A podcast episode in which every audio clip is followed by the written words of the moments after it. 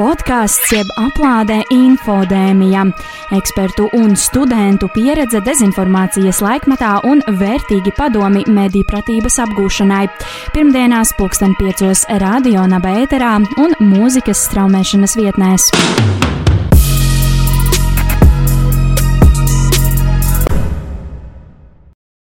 Hei, hei, hei! Esiet sveicināti visi podkāstu infodēmijā, 9. epizodē. Klausieties, dāmas, mums nākamnedēļ būs jāsvin. Mums būs tieši, tieši precīzi 10. epizode. Jubileja. Tieši tā, ko mēs dzersim šampanieti. Bezalkoholisku. protams, protams, ka bezalkoholisku. Šodien pie mums uh, studijā attālināti, kā vienmēr, uh, kā mēs ierakstām visas šīs epizodes, ir pievienojusies Guna Spurava, kurā nemaz neatrodas Latvijā, kas ir uh, īsnībā šīs te attālinātās sarunas, burvīgās iespējas, ka mēs varam runāt ar reāli jebkuru no jebkuras pasaules malas. Mūsu šīs dienas sarunas viese ir pētniece mediju izglītības jomā, un tēma, kur mēs mēģināsim izprast, ir digitālais kapitālisms. Bet varbūt mēs varam lūgt pašai mūsu šīs dienas viesai izskaidrot šo konceptu klausītājiem. Jā, paldies, un paldies liels par uh, to, ka es esmu uzaicināta piedalīties uh, uh, jūsu uh, jūsu podkāstā. Man ir liels prieks par šo aktivitāti kā tādu, jo es tiešām ticu, ka jauni, mūsdienīgi cilvēki ir nepieciešami tajā jomā, ko mēs mēdzam devēt par mediju pratību. Un, uh, Jā, uh, jūs pieteicāt, uh, pieteicāt šo te manis ierosināto tematu minot tikai pusi no šī te temata, jo faktiski temats, par kuru es labprāt gribētu runāt, ir medīpratība un digitālais kapitālisms. Un jāteic tā, ka abi šie koncepti ir pietiekami abstrakti bet uh, vienlaikus uh, radīt, lai mēģinātu izprast to uh, situāciju, kādā mēs uh, visi šobrīd uh, atrodamies. Tāpēc es uh, pavisam īsi sākotnēji mēģināšu iezīmēt tādu manu priekšstatu un izpratni par mēdīju pratību, jo, uh, jo par digitālo kapitālismu es uh, runāšu tieši mēdīju pratības kontekstā. Uh, Un, proti, tad, kad mēs runājam par mediju pratību, lielākoties stereotipiski mēs saprotam to, kas ir saistīts ar kritisku satura izvērtēšanu. Bieži vien pēdējā laikā publiskajā telpā figurējot dezinformācijas vilku ziņu jēdzieniem kā tādiem, kam jā, ir vistiešākā saikne ar mediju pratību, bet es gribētu vērst uzmanību uz to, ka tik ļoti lielā mērā aktualizējot šos tematus dienas kārtībā, mēs esam pazaudējuši kaut ko ļoti būtisku, un, protams, mēs esam aizmirsuši to, ka mums uz mediju pratību ir jāskatās arī ekonomiskā kontekstā. Proti, katrs mēdīņu bizness, ja vien tie, katrs mēdījis, ja vien tas nav sabiedriskais mēdījis, darbojas kāda konkrēta konkrēta ekonomiskā modelī, kā tādā. Un tās pārmaiņas, kas šobrīd ir notikušas pēdējo gadu laikā, mēdīju vidē, ienākot pilnīgi jauniem spēlētājiem, tādiem kā Facebook, Google, YouTube, Netflix, ir pilnībā mainījušas auditorijas attiecības ar mēdījiem un pilnībā maina to zināšanu kopumu, kas mums kā auditorijai ir nepieciešams. Un tā situācija ir pietiekami sarežģīta, un to nevar attiecināt tikai uz Latviju, bet uz pasauli kopumā, ka mm, mm, akadēmiķi, kas un arī izglītības speciālisti, kas fokusējās uz šiem mediju vadības jautājumiem, diemžēl parasti nav kompetenti par, par šiem ar ekonomiku saistītiem jautājumiem. Un līdz ar to šie jautājumi ir kaut kādā veidā izslīdējuši no dienas kārtības, un tāpēc būtu, būtu ļoti svarīgi domāt par to, kā mētīpratības kontekstā turpmāk skatīties uz šo jautājumu kompleksu, kopā strādājot komunikācijas zinātnes, ekonomikas, IT jomas socioloģijas, politoloģijas, arī filozofijas ekspertiem kā tādiem. Tas tāds mans ievads, bet par kapitālismu es pat neesmu ekonomists, un tāpēc es varu dot tādu vienkāršotu, vienkāršotu savu redzējumu, bet mums ir, ir, ir, ir jāsaprot, ka vārds kapitālisms kā tāds tiek lietots, lai apzīmētu noteiktu politisku, ekonomisku un sociālu sistēmu, kur mēs runājam par preču ražošanu, tirgus attiecībām, ražošanas līdzekļu privātībumu. Un šī sistēma funkcionē daļai no sabiedrības, pārdodot savu spēju strādāt tiem, kam pieder kapitāls un ražošanas līdzekļi preču un pakalpojumu ražošanai. Savukārt tiem, kas strādā, tiek maksāts par to, lai viņi ražotu preces un pakalpojumus, kas pēc tam tiek pārdot, lai gūtu peļņu. Kā tas notiek digitālajā vidē? Faktiski tas, kas ir prece, ir mūsu dati, informācija, kuru mēs atstājam digitālajā vidē. Un nosacīt tas, ko mēs tur darām, var tikt uh, apzīmēts ar jēdzienu, varbūt arī darbs, bet katrā ziņā mūsu esamība digitālajā vidē ģenerē datus, rada datus, kuri pēc tam tiek izmantoti, lai tālāk pārdotu un lai gūtu peļņu. Pavisam vienkāršojot šo digitālā kapitālisma jēdzienu kā tādu, tātad mums ir jāsaprot, ka dati ir tas, kas ir šī digitālā kapitālisma ietvaros vērtējams kā prece. Un šie mūsu dati ir, ir tie, kas ļoti lielā mērā nosaka pēc tam arī turpmākās mūsu attiecības ar dažādām digitālajām platformām. Un tas ir attiecināms gan uz medijiem, gan arī uz cita veida pakalpojumiem kā tādiem.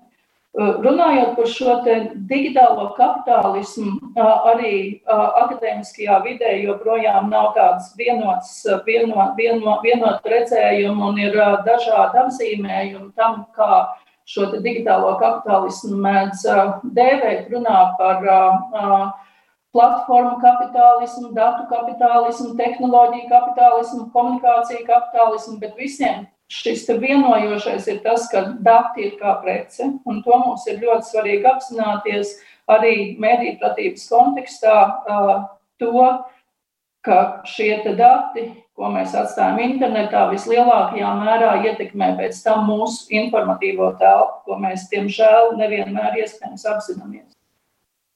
Un tieši saistībā ar to, ko jūs uh, minējāt, nu pat par, par datiem, uh, kā, kā preci, principā, uh, rodas arī jautājums, vai šī, šajā brīdī vērojamā, var teikt, pat morālā panika par, par viltus ziņām. Um, vai tas neaizēno to, ka jo, joprojām cilvēkiem nav īsti līdz galam skaidrs, ka aiz, aiz lielas daļas arī tās pašas dezinformācijas izplatības uh, problēmas stāv tā saucamie digitālie milži, kas ir Facebook un Google. Un, un vai jūsuprāt ir tā, ka, ka mēs sabiedrībā, kā, kā kopums, apzināmies patiesībā šo lielo tehnoloģisko, uh, industriālo aspektu un, un kā tas ietekmē to informāciju, ko mēs saņemam? Mm -hmm.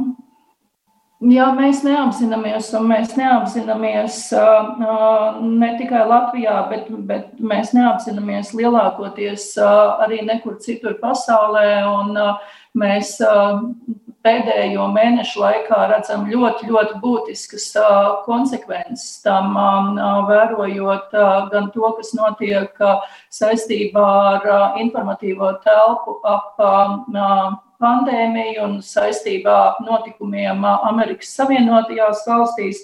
Mēs noteikti kā sabiedrība neesam pietiekami informēti par šiem jautājumiem, un tas ir arī tas, ko es mēģināju pateikt ievadā ka ir ļoti, ļoti būtiski runāt par šiem jautājumiem, skaidrot to, kā funkcionē, kā operē šīs platformas.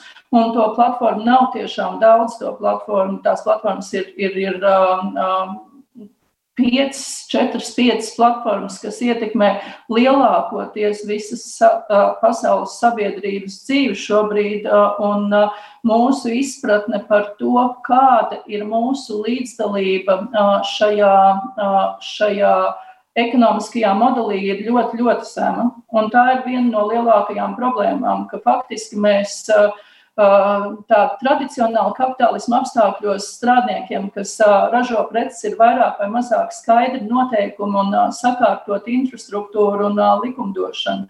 Šajā gadījumā mums absolūti nav skaidrs. Mēs nezinām, mēs neizprotam, mēs bieži vien pat neiedomājamies to, kas notiek ar mūsu datiem, kas notiek ar mūsu informāciju. Mēs nesaprotam to, kādā veidā pēc tam tiek ietekmēts mūsu informatīvās telpas, kas faktiski ļoti lielā mērā ļauj ar mums manipulēt.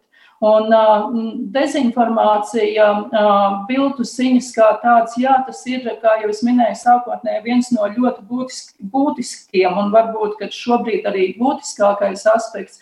Bet uh, pirms mēs runājām šodien, un es zinu, ka tas jūsu temats ir, ir cieši saistīts ar dezinformāciju, es arī domāju tādās uh, līdzībās, un tad uh, man ienāca prātā uh, tāda uh, pandēmijas kontekstā, ka tas ir uh, it kā mēs pievērstu uzmanību tam, cik uh, bīstams ir kleps. Jā, kleps ir ļoti bīstams, bet mēs ārst, nevaram ārstēt klepu, mums ir jāārstē slimība, jo kleps ir kā simptomi. Un mēs esam ilgstoši, tiešām ilgstoši dažāda veida gan politikas veidošanas līmenī, gan izglītības veidošanas līmenī gan akadēmiķu vidē, kur tiek, tiek domāts par mediju kā tādu. Mēs esam ignorējuši šo platformu ekonomisko ietekmi kā tādu, un, un sabiedrība nav izglītota. Līdz ar to sabiedrība nespēja pieprasīt nepieciešamās izmaiņas likumdošanā. Tā joma ir pilnībā neregulēta šobrīd tehnoloģija pasaule ir spējusi attīstīties daudz ātrāk, kā līdzi ir spējusi tikt, tikt tā infrastruktūra, kas ir saistīta ar likumdošanu un, un izglītību. Un tā tas ir visur pasaulē, diemžēl. Par šo te datu nodošanu arī trešajām pusēm ir tapušas ļoti daudz, manuprāt, interesantas gan dokumentālās filmas, gan arī vienkārši parastas mākslas filmas, kā piemēram The Social Dilemma, kurā arī tur ir ļoti, ļoti labi parādīts, kā šie dati tiek nodoti tālāk un, un, un, un ka, tam, ka tiem datiem īsnībā vēl piekļūst tur, tur ļoti daudz operētāju sistēmas un, un, un, un trešās puses. Jā, un jāatcerās, ka tas arī, ko jūs iepriekš minējāt, ka tehnoloģija nav autonoms spēks, to izstrādā un pielieto cilvēki. Un kā jums šķiet, vai mēs Latvijā pietiekami uzdodam jautājumus par to, kam īsti pieder šī vara pār mūsu datiem un kā tā tiek izmantota? Noteikti, ka nē, bet uh, varbūt kā to varētu mainīt vai uh, ko darīt šajā situācijā? Daļai jau es atbildēju iepriekš uz, uz, uz, uz, uz to, ko jūs tagad jautājat. Tas ir, tas ir nepietiekami un skaidrs, ka izglītība, mediju izglītība ir viena no tām jomām, kurā ir ļoti, ļoti būtiski, būtiski runāt par to un strādāt. Bet mediju izglītība arī nav nekas abstrakts un atrauc no visas vis sabiedrības un valsts eksistējošs. Tam ir jā, jāfunkcionē saistībā ar politikas veidošanas procesiem. Un līdz ar to es teiktu, ka viena no vissvarīgākajām lietām ir politikas veidošanas līmenī definēt to, ka um, mēdīja izglītība un arī izpratne par šiem jautājumiem ir kā cilvēktiesības. Un šīs cilvēktiesības ir, uh, ir jāievēro, nodrošinot uh, sabiedrībai, nodrošinot individiem informāciju par to, uh, kas reāli notiek. Jo šobrīd tā izpratne ir tiešām ļoti, ļoti zema, un, un diemžēl arī politikas veidotāji ir maz izglītoti un ar diezgan lielu neizpratni ne tikai Latvijā, bet visur pasaulē raugās uz šiem procesiem. Tas ir ļāvis tehnoloģiju, tehnoloģiju uzņēmumiem attīstīties un kapitalizēties, kapitalizēt uz uh, mūsu kā sabiedrības rēķina.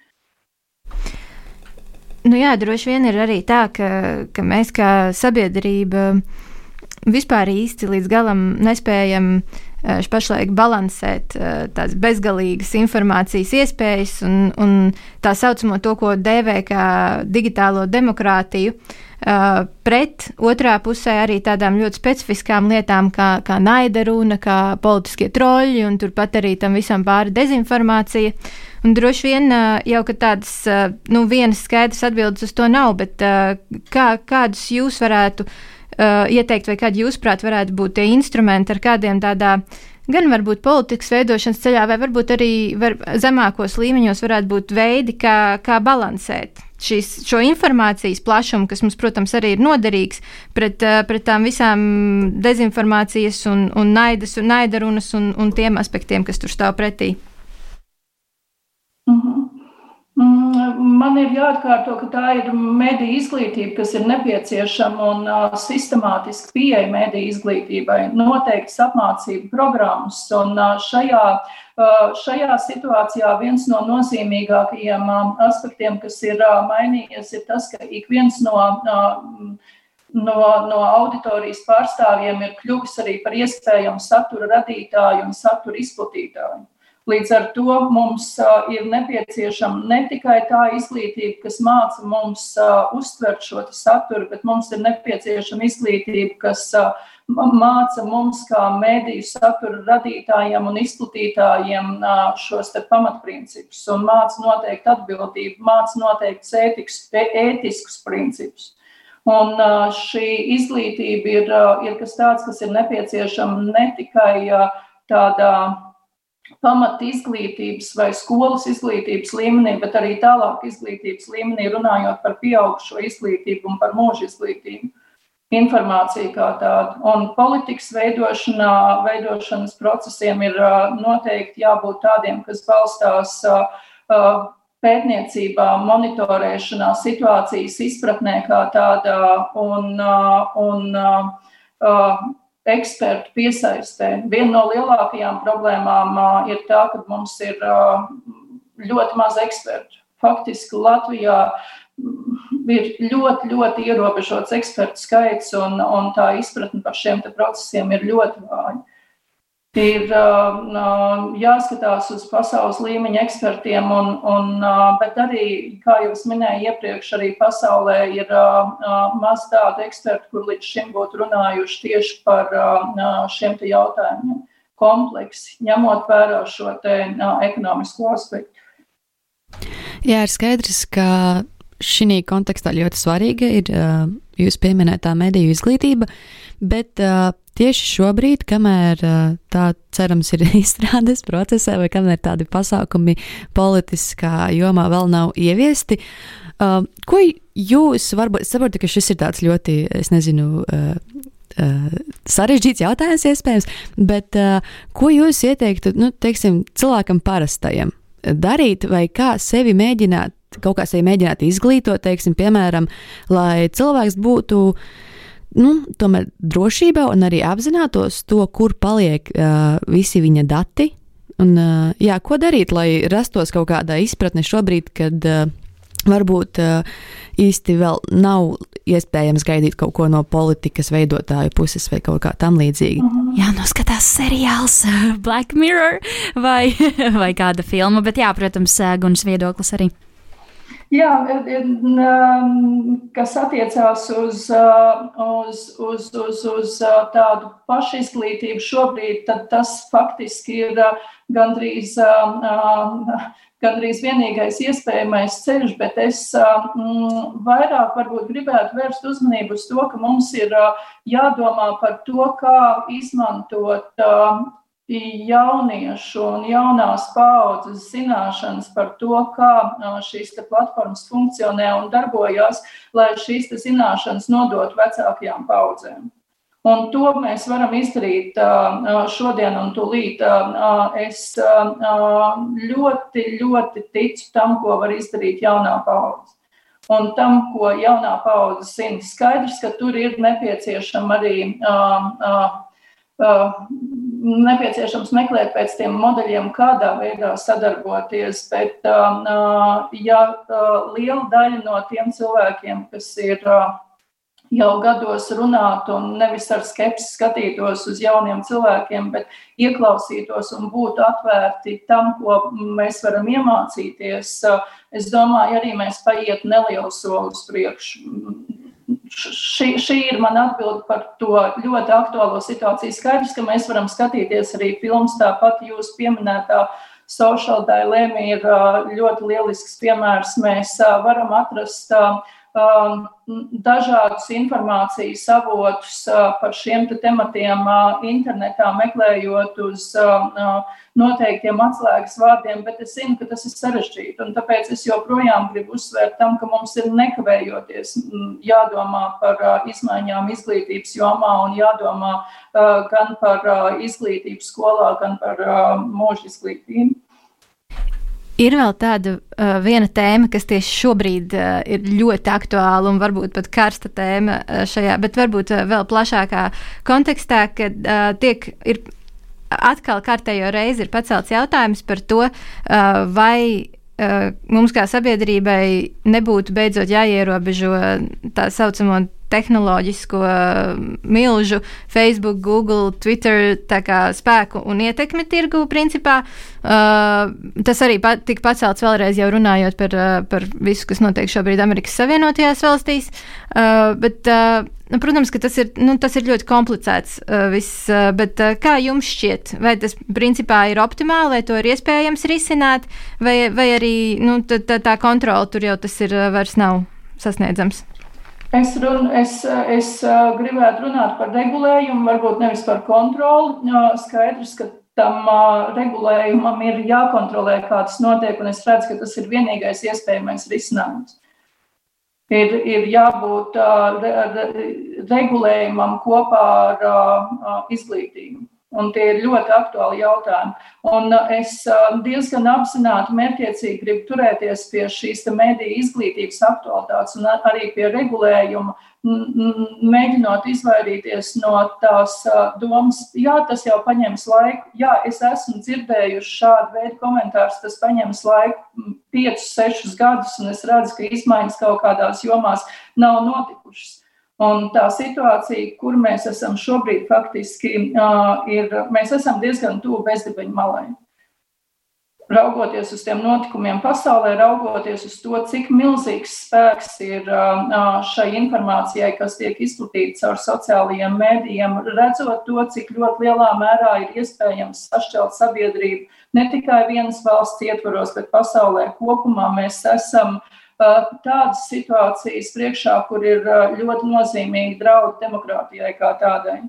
Un es ceru uz veselo saprātu tiešām politikas veidotāju vidē visaugstākajā līmenī, gan atsevišķās valstīs, gan Eiropas Savienībā, un, protams, arī, arī citās valstīs, cerot, ka tās izmaiņas tiks sāktas īstenotas nekavējoties. Bet, diemžēl, līdz šim tie politikas veidošanas procesi ir parādījuši tādu politisko impotenci vai mazspēju šo jautājumu sakārtošanā.